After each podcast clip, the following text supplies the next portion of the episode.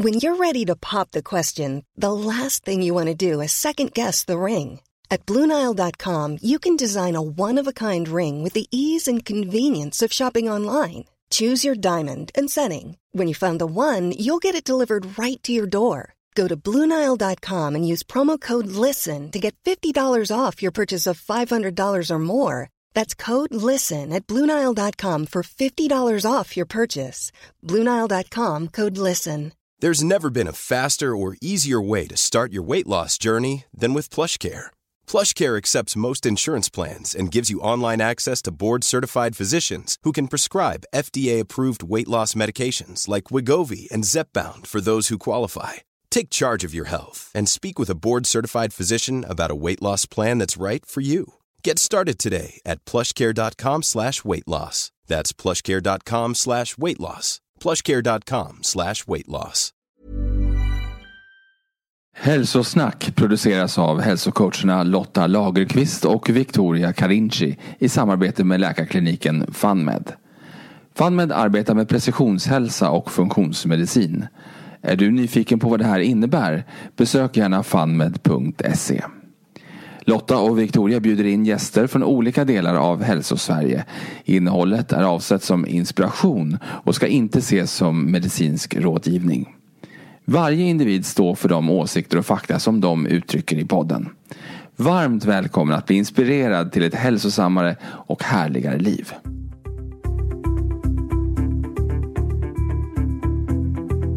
Hej Jannike och välkommen till Hälsosnack. Tack så mycket, vad kul att vara här.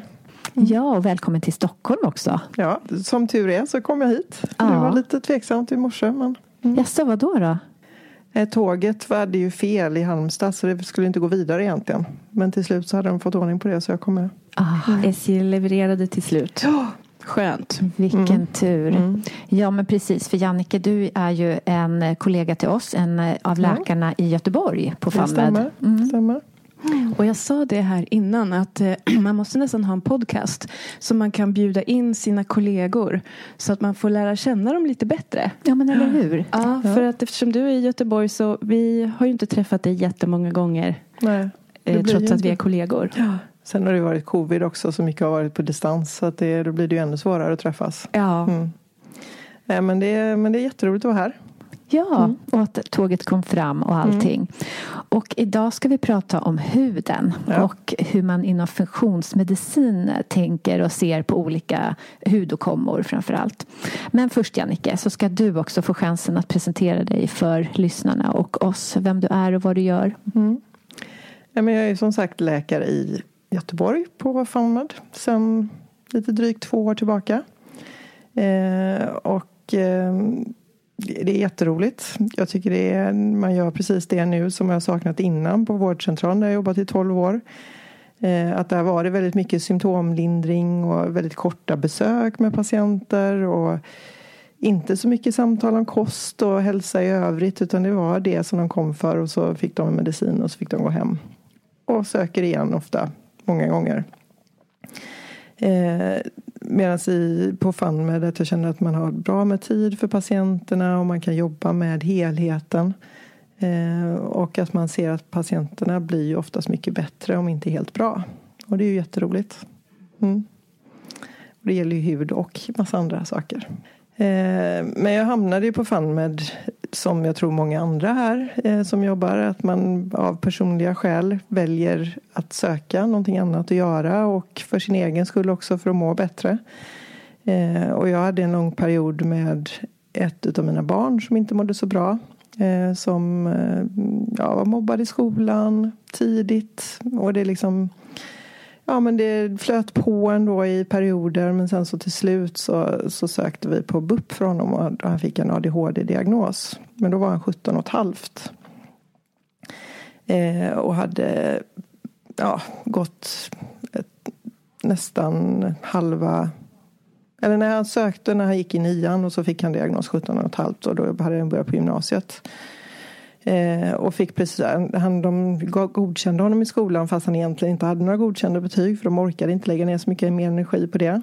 Eh, men han kom in på ett bra gymnasium och klarade sig bra där. Men hela den här vägen dit var väldigt, väldigt jobbig och väldigt mycket oro kring honom för han mådde psykiskt dåligt. Och då började man ju fundera väldigt mycket på vad kan man göra själv? Eh, och in, kom in mycket på kost och livsstil och sådär. Att försöka få honom att sova bättre och komma ut och göra saker och hitta ett socialt sammanhang och hela de här bitarna. Eh, och sen precis när det började lugna sig så fick jag en hjärnskakning. Jag ramlade i skidbacken. Eh, och fick en hjärnskakning och då var jag liksom helt ute ur spelet. Eh, hade redan känt att jag var på, i närheten av en utmattning och sen så kom det. Eh, och då, alltså på ett sätt blev det positivt för då fick jag tid hemma och tänka igenom vad ska jag göra nu. Eh, och sen den sommaren så träffade jag faktiskt en tjej som hade läst den här funktionsmedicinska utbildningen. Eh, och berättade för mig att det här är ju precis det du ska göra. För då pratade jag igenom liksom allt det här jag har gjort med min son och vad jag själv har tänkt och sådär. Och det passar ju precis in på det här. Det är precis det här du ska göra. Och det här, och det här kan man ju hjälpa andra. Eh, och då hoppade jag på det efter sommaren när jag började få ordning på liksom min tankeverksamhet igen och kunde börja plugga. Ehm, och sen så träffade jag Peter Martin i Göteborg. Och sen så visade det Susanne som är sköterska i Göteborg på FunMed.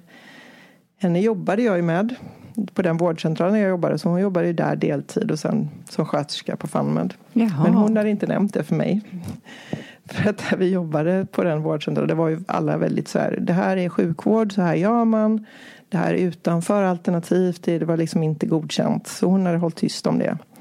Men sen när vi såg det på olika vägar så ja, men du är ju där och jag vill dit. Och då blev det ju jätteroligt. För henne har jag jobbat med jättelänge. Även innan den vårdcentralen när jag var på sist. Så mm. Det känns ju roligt att ha någon som följer den också. Verkligen. Mm. Så det är väl lite storyn om varför jag jobbar med funktionsmedicin.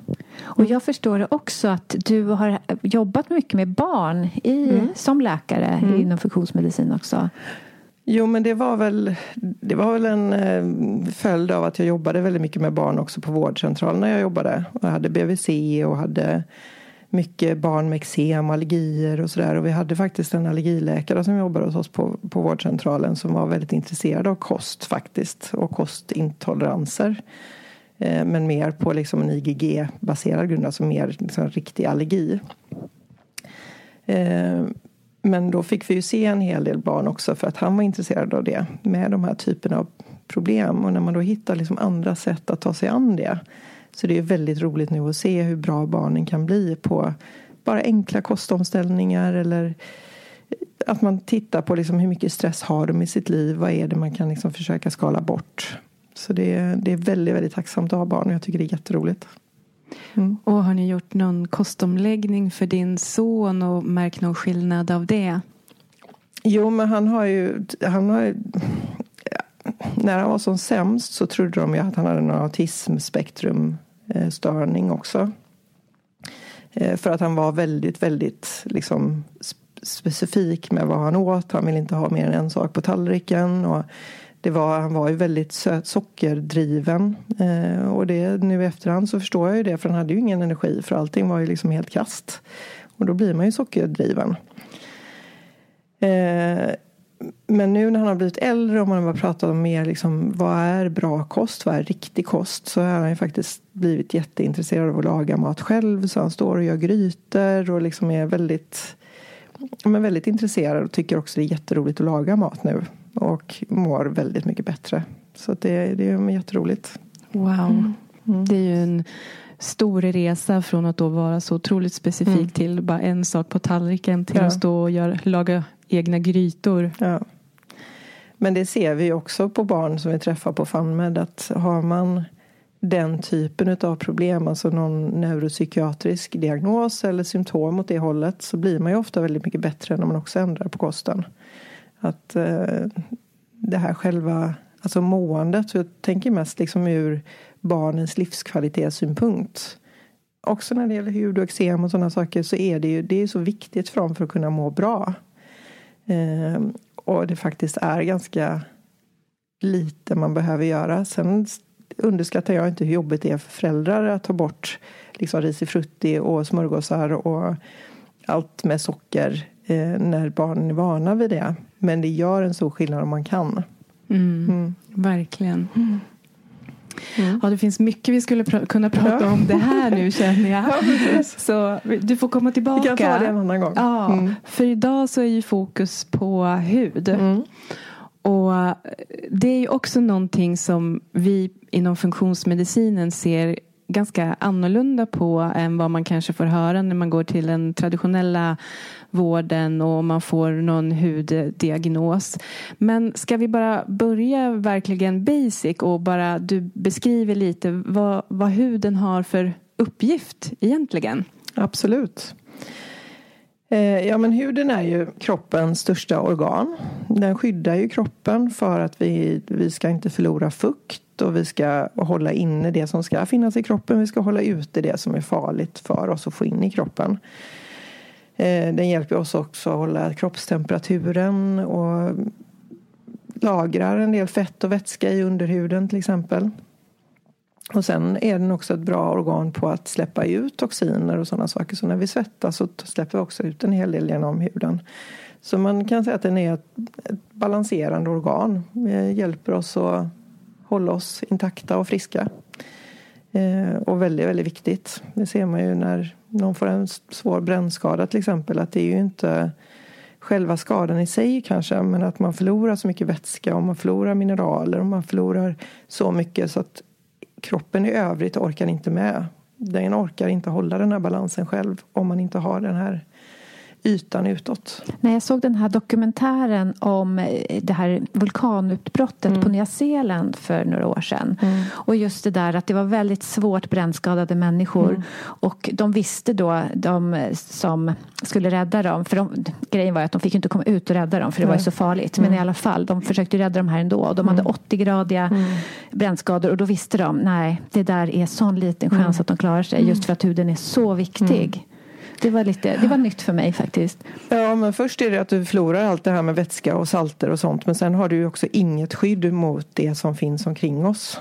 Och i miljön omkring oss så har vi bakterier, vi har svamp, vi har allt möjligt. Och det ska inte in i kroppen. Och där är huden ett jätte, jättebra skydd.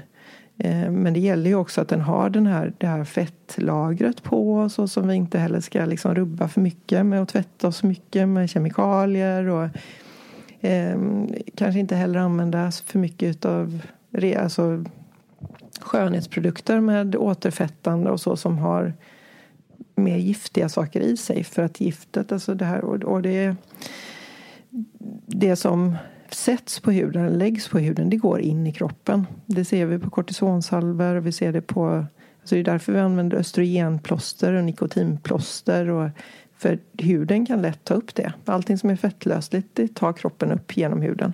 Jag tycker det är så fascinerande mm. om man har sett de där små plåstren mm.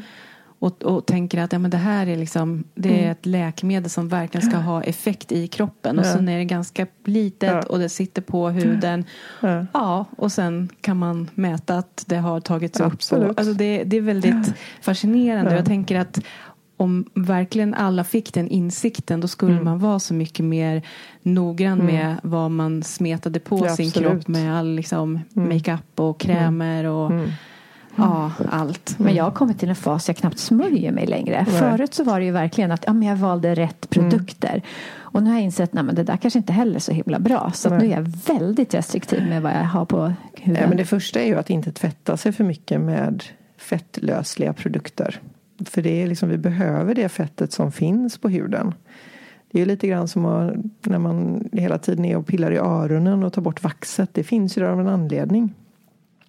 Men när vi använder hörlurar och så, så kan vi trycka in det som man behöver rensa ut lite grann. Men kroppen är bra på att göra det den behöver egentligen. Så att vi ska inte försöka och, att tvätta bort det som kroppen gör för oss för mycket. Så vatten och liksom ren rena produkter. Mm. Mm. Nej, men och också vara rädd om bakterierna på huden. Absolut. Absolut.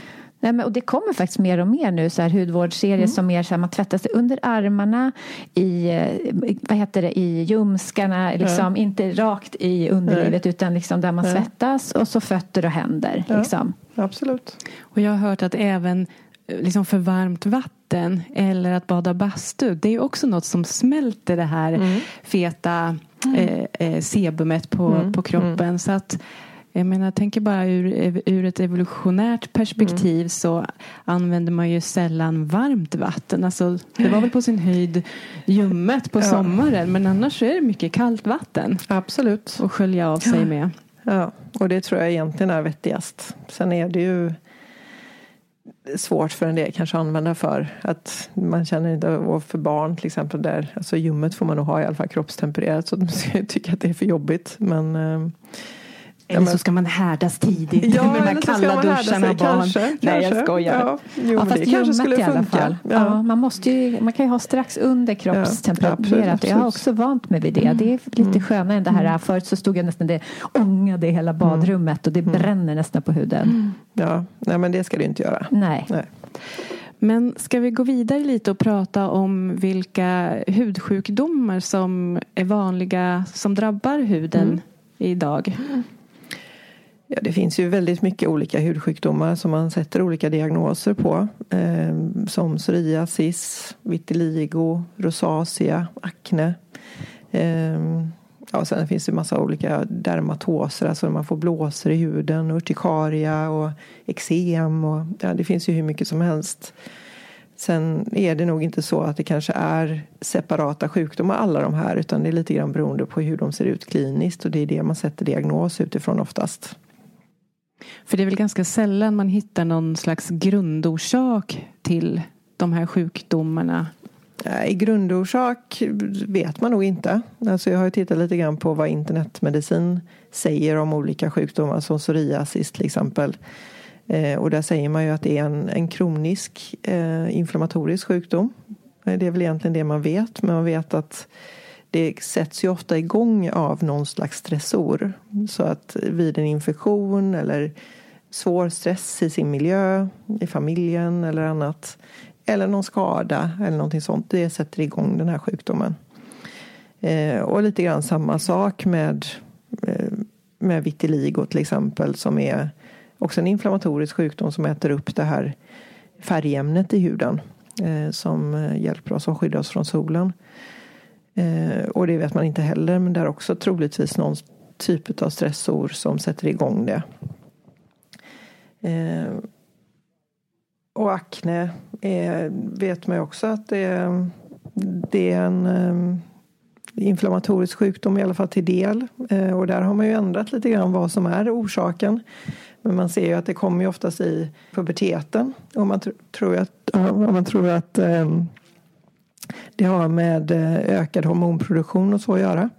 Och att ehm, stress och så kan också påverka men också eh, faktiskt kost säger man till och med inom sjukvården att det, kan, det är ju en av de sjukdomarna som man kan se om man tittar på utbildningsmaterial eller på internetmedicin till exempel att där, ja, men kosten och framförallt kanske mjölkprodukter att det skulle kunna påverka.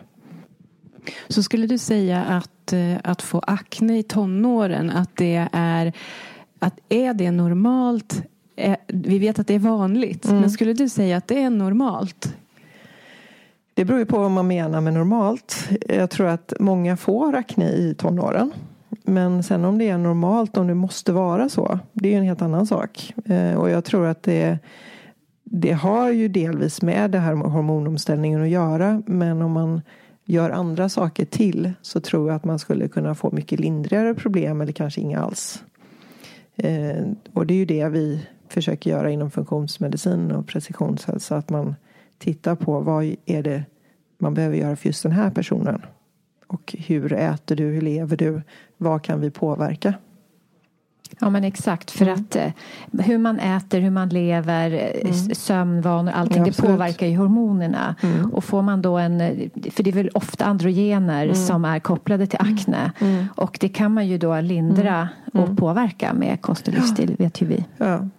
Men sen så ser man ju ofta att, att de som har svår akne har ju oftast någon typ av metabolt problem också. Att de har gränsvärden för diabetes till exempel. Eller Eh, ja, övervikt. Alltså obesitas är ju väldigt kopplat till akne till exempel. Eh, och det kommer mer och mer studier faktiskt nu inom både inom funktionsmedicin men också inom alltså från hudläkare och så där man ser att bakteriefloran både i huden och i tarmen faktiskt har en koppling till akne. Och också till psoriasis och många andra utav de här hudsjukdomarna. Mm. Ja, men det kan man väl nästan säga mm. att eh, så här, utsidan på huden speglar insidan i tarmen. Absolut, absolut. Eh, och det har man ju inte vetat så mycket om. Eh, det har inte, alltså, jag tittar på studier, alltså det finns ju studier från i alla fall 90-talet där man pratar om det här med bakteriefloran. Man pratar till och med om SIBO och sådana saker. Men där hade man ju inte riktigt, man tog en odling på avföringen så tog man bara liksom specifika bakterier. Man gjorde ju aldrig någon liksom helhetsbedömning. Och då kunde man se kanske att det var någon bakterie som var i överflöd, alltså det var för många. Men man kunde inte se hur det var med de goda bakterierna. Som lactobacillus och bifidobakterier, de mätte man aldrig. Men däremot så kunde man se om man gav laktobaciller till patienter med svår akne och även psoriasis faktiskt så kunde man se att man blev bättre på det. Inte alla, så att det, det är liksom inte kanske något bevis så och man har inga dubbelblinda studier. Men många blev bättre.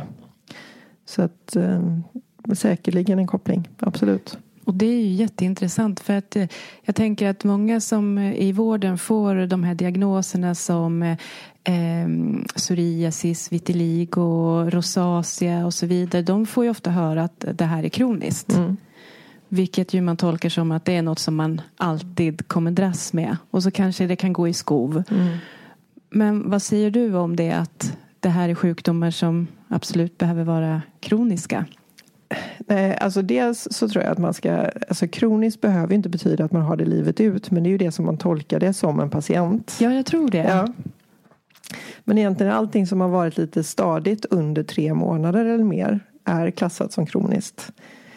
Men jag förstår ju att man tolkar det som att får du en diagnos och någon säger att det här är kroniskt så kommer det hålla resten av livet. Eller du kommer komma få i skov. Jag tror inte att det behöver vara så. Eh, och jag så, ser faktiskt på min son som hade psoriasis när han var yngre. Han har inte fått tillbaka det de senaste åren.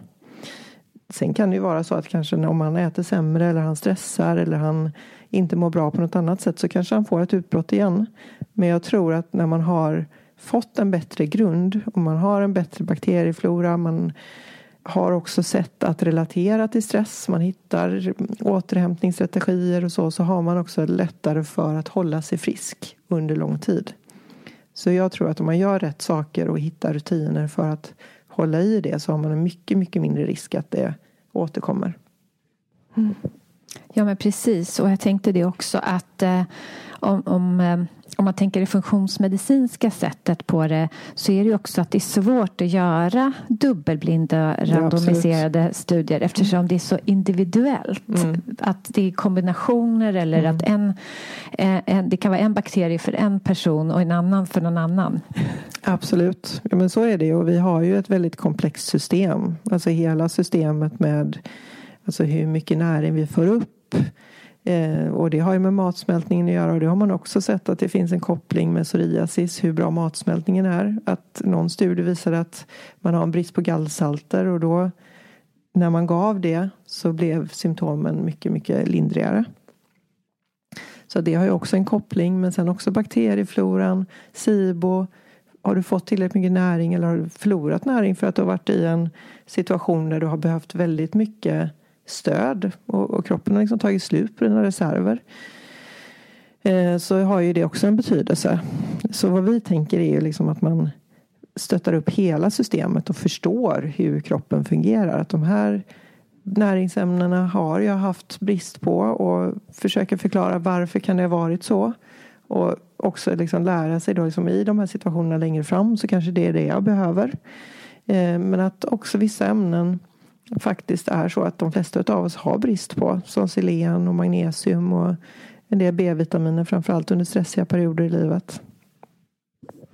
Ja precis, för det, det går ju åt extra, speciellt under stress. Ja. Och, ehm, och ja, maten som vi äter kanske mm. inte är, speciellt inte under stressiga perioder, helt komplett. Ja.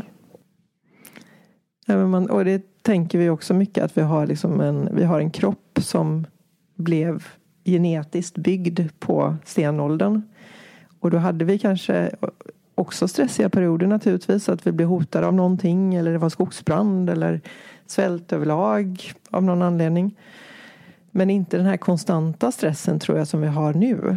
Att vi har ett jobb som pågår egentligen dygnet runt. För vi har telefoner på, datorer på, e-mail på. Vi har sociala medier där vi hela tiden ser och ska jämföra oss med andra människor. Eh, vi har ljus dygnet runt. Eh, för att vi har elektricitet och lampor inomhus.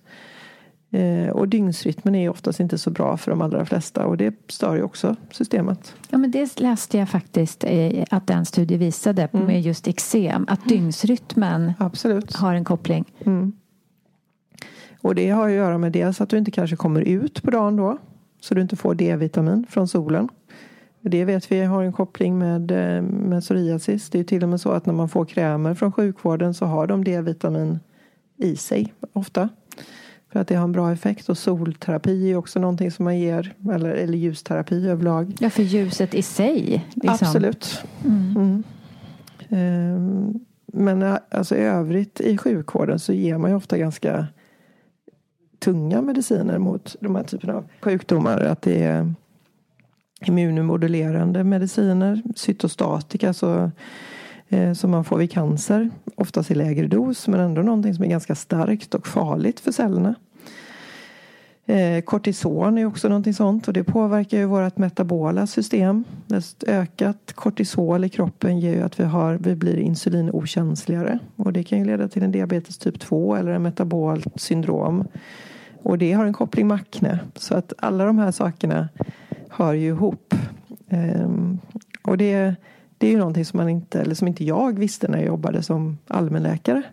Och att man nu kan se att man kan ju också förklara på ett annat sätt för patienterna. Ja men det här och det här hör ihop. Så om du får ordning på det här så kommer det här leda till en annan förbättring. Och sen så kommer du kunna få lite mer energi och du kommer kunna jobba vidare på alla de andra bitarna eh, som du har.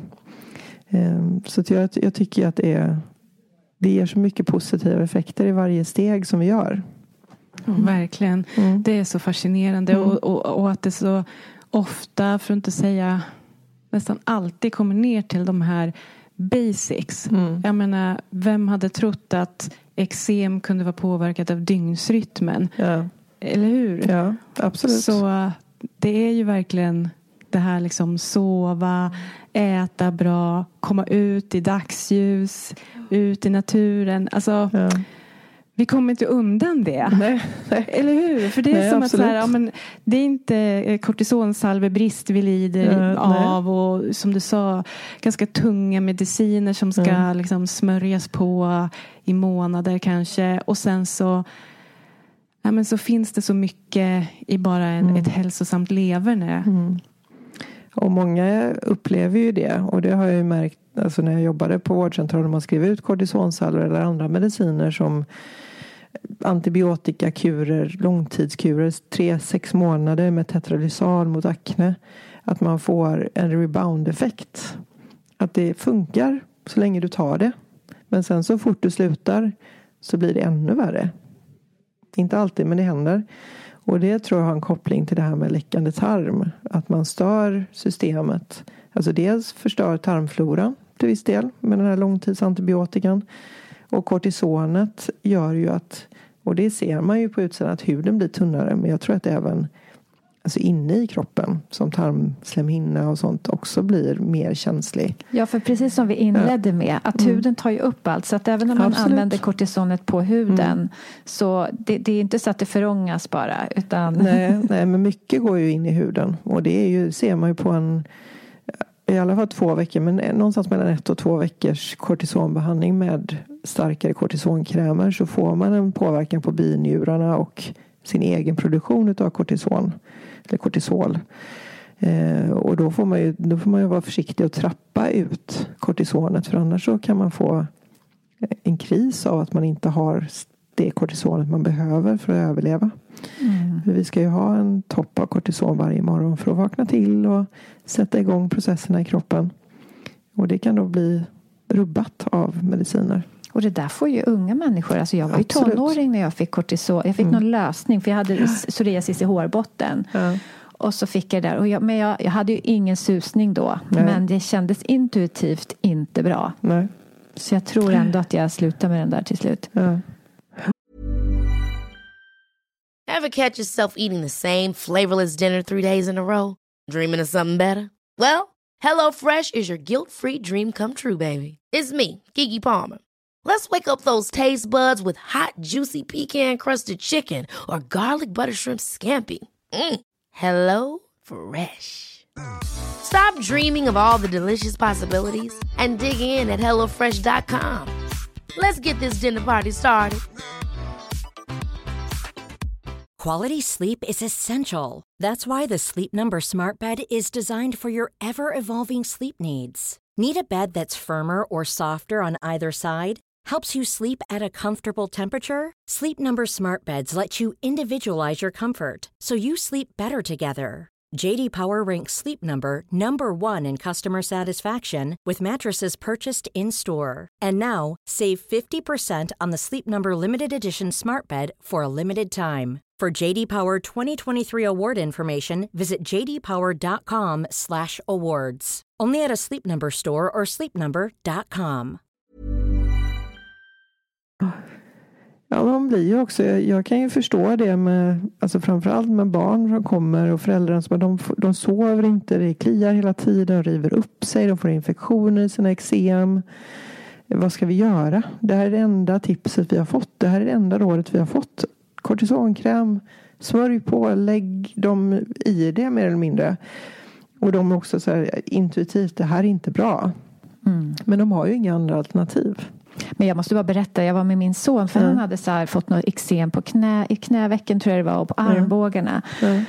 Och eh, då gick jag till vårdcentralen. Det här var ju när jag, vet inte om jag jobbade här men jag jobbade i alla fall inom Mm. det här området så jag hade ju lite koll. Men man gör det ändå när det gäller sina barn. Man går till vårdcentralen och så får de titta på vad det är. Ja men det är nog eksem och sen så skrev hon ut en massa krämer och det är Mm. ju gratis också för barn. Så att hon bara, hur mycket vill du ha? Jag skriver ut jättemycket och det bara Mm. hämta ut mer. Jag bara okej.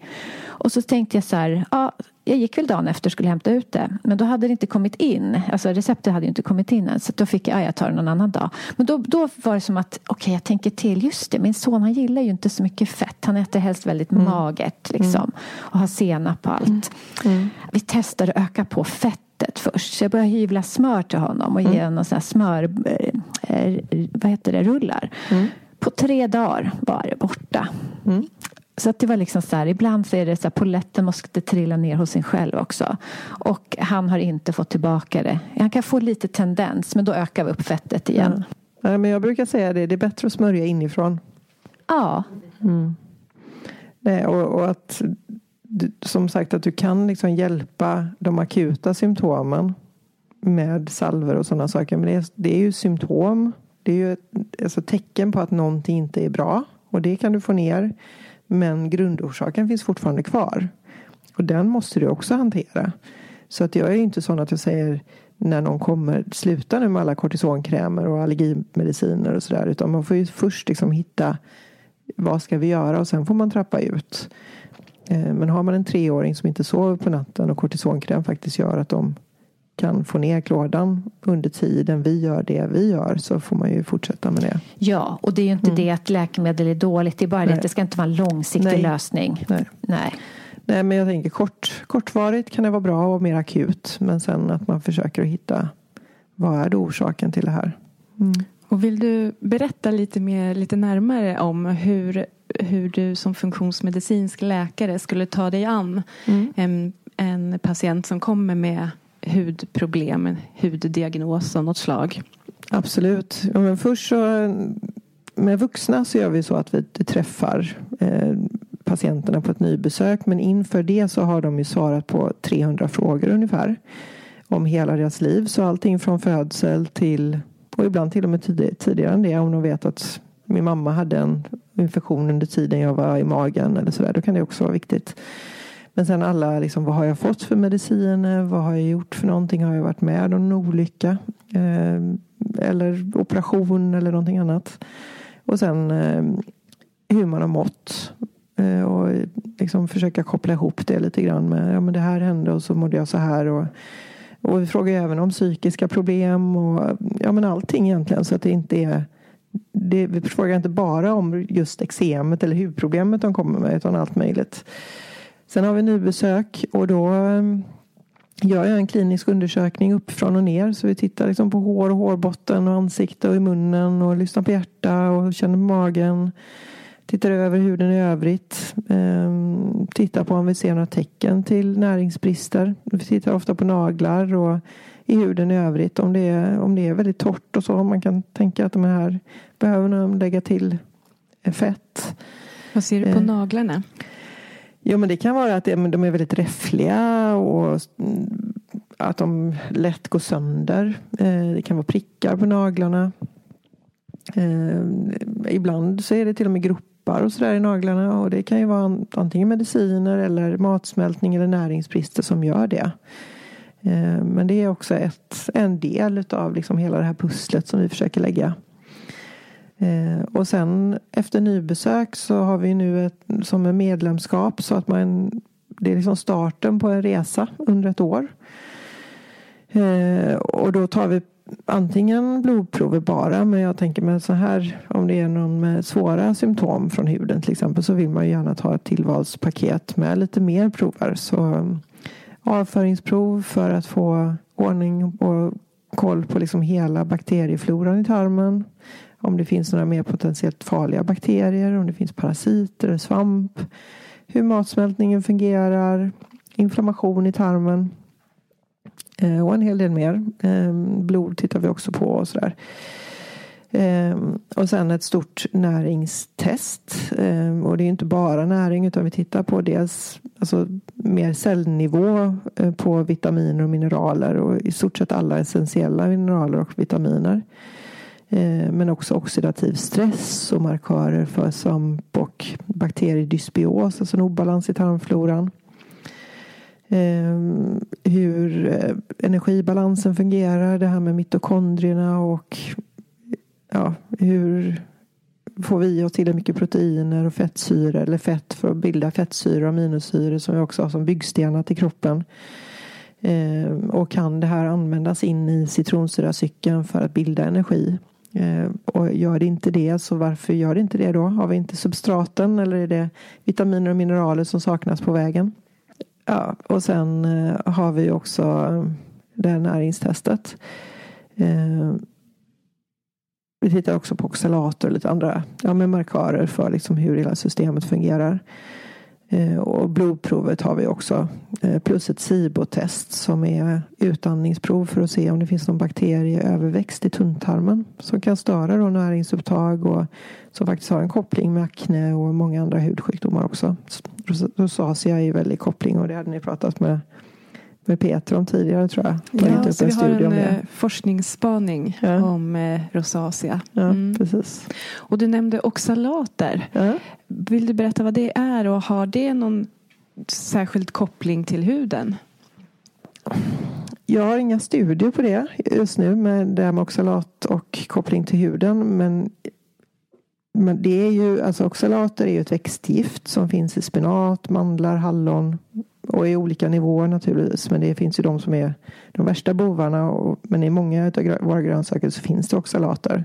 Och vi tål det till en viss gräns. Men om man äter spenatsmoothies varje dag eller om man äter en näve mandlar varje dag så kan man få för höga nivåer. Som kroppen inte riktigt klarar av att ta, ta hand om och få ut igen. Eh, och då kan det bildas små kristaller och det här kan ju leda till njursten till exempel. Det kan leda till eh, sköldkörtelproblem för att kristallerna sätter sig lite grann i vägen i körteln. Men även i huden eh, säkerligen. Eh, att det blir klåda och man kan ju se det vid dumpningssymptom. Alltså om man kroppen försöker göra sig av med det så kan man ju få alla möjliga symptom. Klåda i huden och eh, till och med lite frossa ibland. Att man blir, man blir dålig liksom på riktigt. Ehm, så det är viktigt. Men jag tycker det är lite svårt med proverna att säga liksom den här personen är oxalatförgiftad och den här är inte det. För det, det sätter ju sig i kroppen på olika ställen och hitta liksom ett värde som är det här värdet är det. Man kan säga liksom, är värdena höga så har du ju fått i dig lite för mycket oxalater och tänka på liksom att inte få i dig mer. Men att jämföra från en gång till en annan är svårt. För vi, det sitter som sagt fast och vi släpper loss det här i omgångar. Eh, och då kan man få dumpningssymptom. För hela den här kartläggningen som du beskriver, mm. det är ju liksom, du letar efter mönster. Absolut. Det, det är liksom ett pussel man mm. lägger. Det finns inte så, det här betyder det och det betyder Nej. det, utan det kan vara, det är verkligen det här detektivarbetet. Ja, absolut. Det är ju som en stor karta och så får man se liksom, var möts de här olika sakerna. Och där, kan, där finns det saker vi behöver jobba på. Så kan man väl säga i stort. Eh, och det är ju oftast en del som man hittar på varje patient. Eh, och vanligast är ju SIBO och en bakterieobalans på något sätt och att man behöver kanske lägga till probiotika och behandla den här SIBOn. Eh, men näringsbrister kommer ju ofta med det också och då kanske man behöver stötta upp det under en period i alla fall för att komma i en bra balans igen och orka med kroppen man ser ju också alltså med hudproblem framför allt skulle jag säga så ser man ju en hög oxidativ stress ofta. Kroppen jobbar med att liksom hitta ett sätt att bygga nya hudceller och, och, och skydda det här lagret som är så viktigt för oss. Och då blir det en ökad omsättning i kroppen. Vi behöver mer näringsämnen för det. Så det, det ser vi jätteofta att A-vitamin och D-vitamin och E-vitamin och det, det behövs lite extra om man har haft långvariga problem med huden. Ja, för nu när vi förstår hur otroligt viktig huden är, mm. det här med brännskadorna vi pratade om i början, då kan man ju verkligen förstå att när någonting inte funkar och huden är skadad, att det blir en otrolig stress för kroppen. Absolut. Det måste ju liksom överlevnad, mm. alltså ja, måste signalera, nu jäklar måste vi laga det och fixa till det här. Ja. Men jag tycker ändå att hudproblem är ett tacksamt symptom. Ja. Dels för att många tar det på allvar, mm. speciellt om det sitter i ansiktet. Man mm. vill verkligen, det har vi ju båda erfarenhet om just, hudproblem, det vill mm. man ta mm. tag i. Och också att man ser så tydligt, oftast att man vet ganska snabbt om man är på rätt väg. För att det liksom, det kanske inte försvinner på en gång men det minskar lite, blir inte lika irriterat och sådär. Att man ändå kan snabbt se, okej, okay, det här är rätt väg. Absolut. Och där kan jag tycka att eh, det är säkert 80 procent eller 90 procent av de som gör saker själva blir ju ofta mycket bättre eller bra. Sen har vi ju liksom en del av de här patienterna som inte blir så mycket bättre ändå trots att de har försökt massa olika saker. Och då kan det behövas den här kartläggningen för att hitta liksom rätt sätt att jobba på. Eller att man förstår att det är nog en kombination av saker. Det är nog att sömnen måste till. Vi måste liksom jobba med maten, vi måste läka din tarm, vi måste få bort den här sibon. Svamp är också väldigt kopplat till akne tycker jag. Utifrån min erfarenhet. Att eh, det, får man bort den då blir ju ofta aknen bättre också. Mm. Men det är också kopplat till det metabola. Ja men precis. Mm. Precis vad jag tänkte. Just det här med svamp och socker. Mm. Det kan ju, hänger ju ihop. Ja, absolut. Så mm. det här är ju en kombination av att kanske behandla svampen men också få ner socker intaget. Eh, för att inte få tillbaka svampen och få ner eller få upp insulinkänsligheten igen så att man får ett metabolt bättre system. Mm. Nej, men och det är så här, många söker säkert den här produkten eller den här tabletten eller det är B1 som jag behöver äta. Mm. Eller, mm. Nej, men det är inte så enkelt utan det är oftast en kombination. Mm. Men tyvärr så är det inte samma sak för alla. För annars hade det varit enkelt. Eller hur? så det är ju det här att hitta liksom den individuella ingången. Det här behöver vi göra för dig. Mm.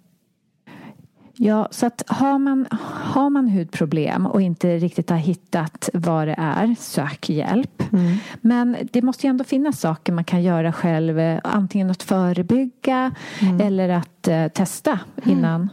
Mm. Absolut. Jo men alltså kosten är ju alltid central. Eh, och där finns ju lite olika saker.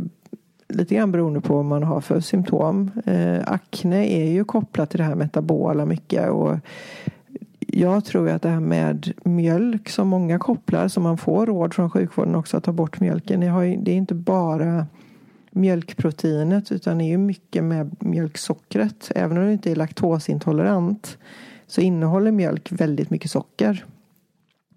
Och där har du en risk då att få en, en insulinokänslighet som i sin tur också leder till ökat eh, ja, testosteronliknande eh, egen, alltså insulinet har testosteronliknande egenskaper som ger en ökad produktion av det här talget i, i hudcellerna som då kan bli akne. Så det, det är ju ett tips om man har akne. Eh, så försöka dra ner på sockret och där också mjölkprodukter. Ehm, gluten är omdiskuterat för alla egentligen mag-tarmproblem och inflammatoriska sjukdomar men vi ser ju att många mår bättre av att äta en i alla fall glutenlåg kost. Ehm, och att det, för det stör tarmen. Kan ge mer problem med läckande tarm och får man då ett mellanrum mellan tarmcellerna som saker kan läcka igenom då har man också en större risk att bli påverkad av toxiner och svamp och bakterier och sånt som kan finnas i tarmen. Ehm, eh, probiotika kan man ju pröva. Så någon laktobacill. Och då, det finns ju massa olika på marknaden som man kan pröva.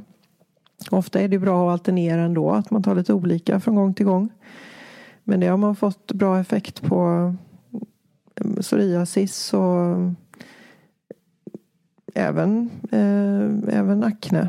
Eh, för det är, och jag tror att stötta upp en tarmflora hellre än försöka behandla bort eventuella bakterier i, i huden. För det, det har man ju sett att det, visst det finns vissa bakterier som också sätter sig i aknen. Men att det är problemet i sig, det tror inte jag egentligen. Utan det är ju inflammationen i sig och vad är det som triggar inflammationen. Ja, för det är mycket att man får olika krämer mm. och ja, receptbelagda mm. krämer. Det fick ju jag när jag led av akne. Och någon gång funkade det ganska bra. Men som du var inne på förut, att ja, så fort jag slutade med den då kom det tillbaka och om en värre. Ja. Eh, och ibland funkade det inte alls. Så att här är det liksom att vända lite på steken. Att man faktiskt börjar inifrån och ut mm. snarare än tvärtom. Mm. Och nu finns det finns ju faktiskt en del forskning på att göra krämer med probiotika. Ja, det så kommer man, ju mer och mer. Eh, och det kanske är bra också. Men det finns ju inte så mycket studier på det än. Så man får ju se liksom vart det tar vägen. Men en, en bra Alltså naturlig kräm med probiotika hade jag hellre valt än en antibiotikakräm eller något som är väldigt uttorkande för huden. Ja, för att jag tänker om man har mm. problem med akne ja. då, har, då har ju de flesta liksom blött och skrubbat sig. Det är liksom som oh, jag har oren hud och så ska det vara liksom ännu mer löddra och tvåla in ja. sig och sen smörja med de här starka krämerna. Och då tillbaka till det vi började, att vi behöver det här skyddande sebumhöljet. Annars så blir det en rubbning bara av den anledningen. Absolut. Det var som jag var tonåring, då hade jag så här alkohol, ansiktsvatten som man bara, alltså herregud, ja. stack, förlåt huden. ja, fast å andra sidan så är det, man, man ser ju i huden som, jag fick en faktiskt halvsides ansikts um, Eh, brännskada när jag var liten. Jag fick flott ur stekpannan rakt upp i ansiktet när jag var fem sex år. Så jag hade, alltså hela mitt, eller halva ansiktet var en stor brännblåsa. Tredje gradens brännblåsa. Eh, och du då har haft svår akne som du säger. Alltså vi kan ju läka från det här och inte få de här problemen. Och framförallt barn är ju, de är ju fantastiska på sättet som de kan läka. Så att det man ska inte ge upp. Nej, nej, nej. faktiskt. Kroppen är fantastisk på att ja. läka. Mm. Mm. För det, jag ser inte någonting av att du nej. har haft en brännskada i ansiktet. Nej, och det gick snabbt. Så jag tror att det var på något år så var det i stort sett ingenting alls. Och det är ju fantastiskt för man brukar ju i alla fall tappa pigment och sådär. Men inte ens det. Mm. Mm. Härligt. Mm. Det här att tonåringar ofta får mer akne det har säkert att göra med att man får en rubbad dygnsrytm där delvis också. Eh, så försöka hitta ett sätt att komma i säng i tid. Och där är det också viktigt att komma ut på dagarna för dygnsrytmen. Så tidigt på morgonen eller förmiddagen i alla fall. Ut och gå en sväng eller åtminstone ställ dig på balkongen eller utanför dörren. Eh, en liten stund för att få lite sol. Och det är både för D-vitaminet men också för att kroppen ska vakna till. Och man ska få en bättre dygnsrytm.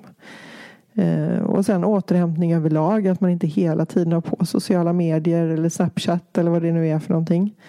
Att man, ska, kanske, man kanske inte måste vara tillgänglig jämt. Det är okej okay att ha lite tråkigt också. Ja, Man kan lägga undan telefonen en stund, det går bra. Och sova är ju också, ja. alltså, lägg undan när du ska, innan och när du ska ja. sova. För att sömnen, det vet vi ju, skönhetssömn. Ja. Det finns ju redan ett begrepp för mm. det. Liksom. Mm. Men att det är svårt att komma ner i varv om man har, sitter med en dator eller telefon eller någonting med skärmar egentligen överhuvudtaget ett par timmar innan man ska komma ner i varv. Så det är viktigt att man försöker det och att det ska vara mörkt och svalt i rummet och man ska komma till ro. Och sängen ska vara ett ställe att sova på, inte sitta och jobba i eller titta på telefonen och så. Jag mm. tänker hur många tonåringar som lyssnar på det här nu och bara nej, jag tar nog en sån där receptbelagd kräm istället för att ja. stänga av mobilen tidigare på kvällen. Mm.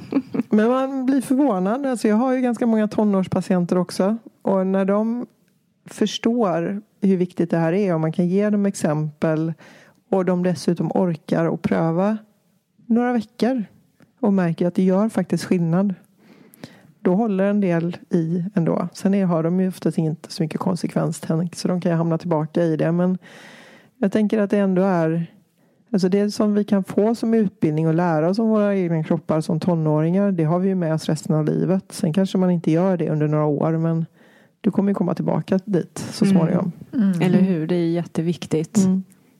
Lära sig hur man ska ta hand om sin kropp på bästa sätt. Ja. Jag hade en yogamanual en gång som hette just eh, eh, Manual for the Human Body. Och jag tyckte det var, ett, liksom, det var en, sån, en sån bra rubrik. Att ja, det är verkligen det vi mm. borde ha fått med oss när vi föddes. Att det är så här du tar hand om din kropp. Mm. Vi har nog kunnat det intuitivt mm. För länge sedan. Jag kan mm. se det framför mig. Så här, alltså första, första sidan de här pilarna med nummer och alla delar. Så här, och sen så sömn, kost.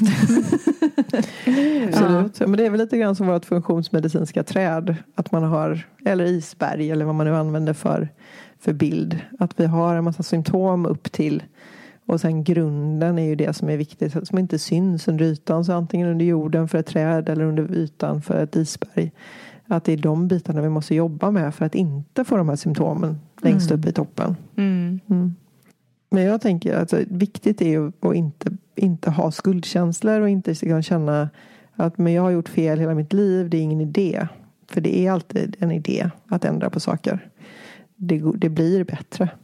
Ja, mm. mm. ja nej, men det har du rätt i. Man ska inte mm. skuldbelägga sig själv och vi har alla varit där. Mm. Sen, så det handlar ju om att ja, jag, jag kan skuldbelägga mitt gamla jag också. Så, liksom, bara för att jag har lärt mig det här nu så mm. betyder inte det att jag är bättre än någon annan. Eller, utan eh, det är bara, och sen kommer det ju ny information hela tiden. Absolut. Men framför allt det som jag tycker är så hoppfullt det är ju att när man börjar rätta till de här sakerna att det faktiskt kan gå så himla fort. Mm. Och det är det man hoppas för varje patient man träffar att bara, ah, måtte du nu mm.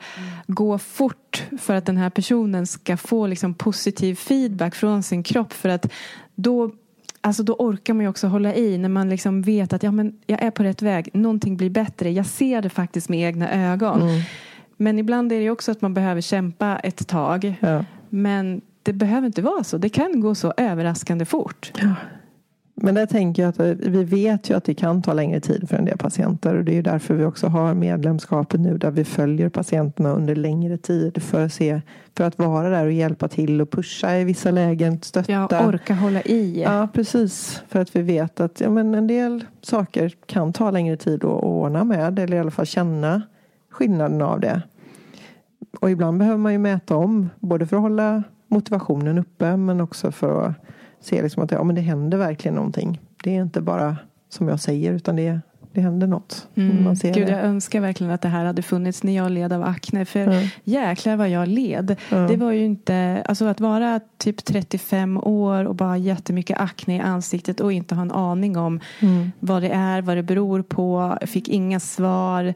Liksom på vården bara ryckte man på axlarna. Försökte inte ta reda på varför. Mm. Och jag googlade och jag försökte med de här krämerna och jag blev till och med så desperat att jag tog antibiotika och det gjorde ju verkligen ingen nytta. Nej, så att alltså ja, det är skönt att det går framåt. Mm. Liksom. Men det ledde det ju hit. Ja, jo, mm. det gjorde det. Mm.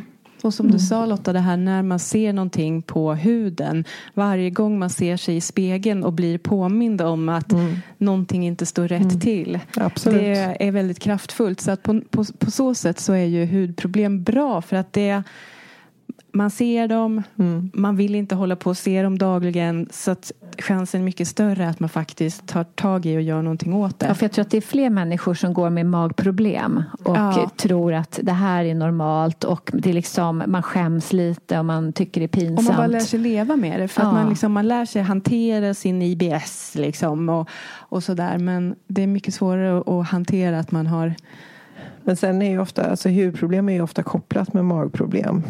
Det kan vara kopplat med ångest, det kan vara kopplat med depression till och med. Alltså det här med kopplingen mellan hjärnan och magen och huden är ju uppenbar för oss som jobbar med det här. Mm. Mm. Och att många kan komma med akne till exempel och säga att när man börjar behandla så var min mage är ju jättelugn nu.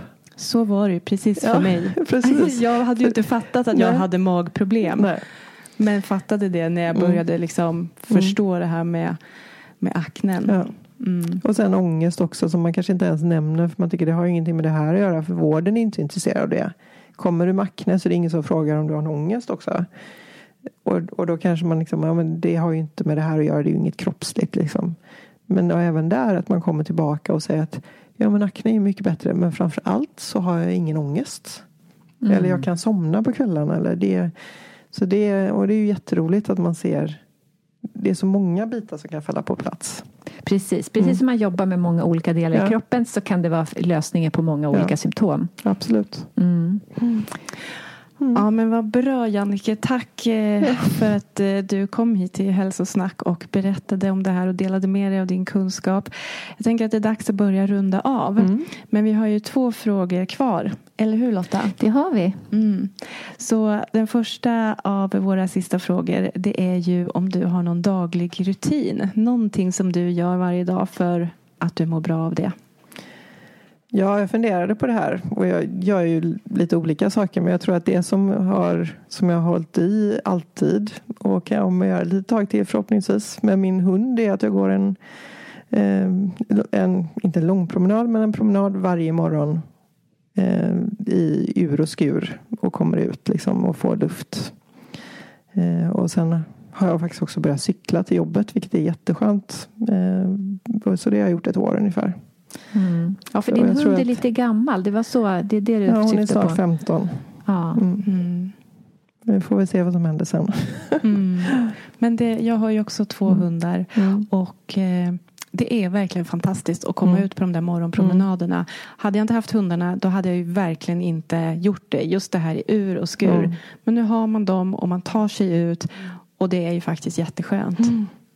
Jo, men det, man kan ta emot innan eh, när det liksom ösregnar och blåser. Men eh, när man väl har gjort det och kommer tillbaka in och då har man, då har man ju piggnat till och dagen kan börja. Mm. Mm. Ja, men eller hur. Och eh, Jannike, mm. om man bara kan eller får göra en sak för sin hälsa, vad tycker du att man ska göra då? Jag funderar på det här också, men jag, jag tycker att kosten för mig är central. Alltså, och då framförallt ta bort processad mat eh, och raffinerat socker. Eh, och, och, kanske också gluten. Det har jag gjort i alla fall och det tycker jag känns bra. Mm. Japp, håller med. Ja. Mm. Och om man vill få din hjälp eller vill veta mer, var hittar man dig då?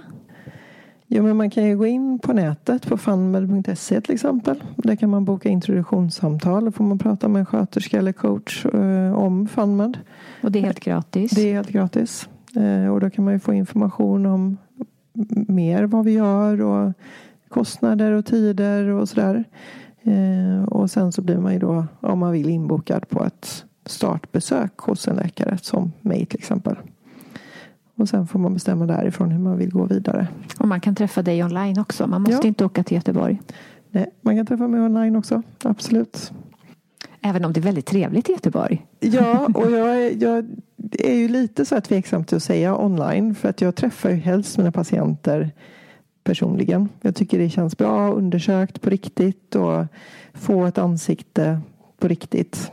Eh, och framförallt nu när corona inom situationstecken är över, i alla fall restriktionerna för det, så är det väldigt trevligt att träffa människor. Ja. Visst är det. Ja.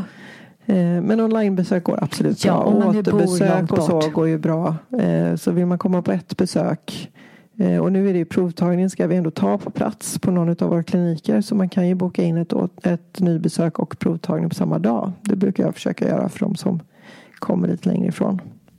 Mm. Ja men jättebra. Tack mm. så mycket Jannike för att du kom hit. Ja. Jättekul att vara här. Tack.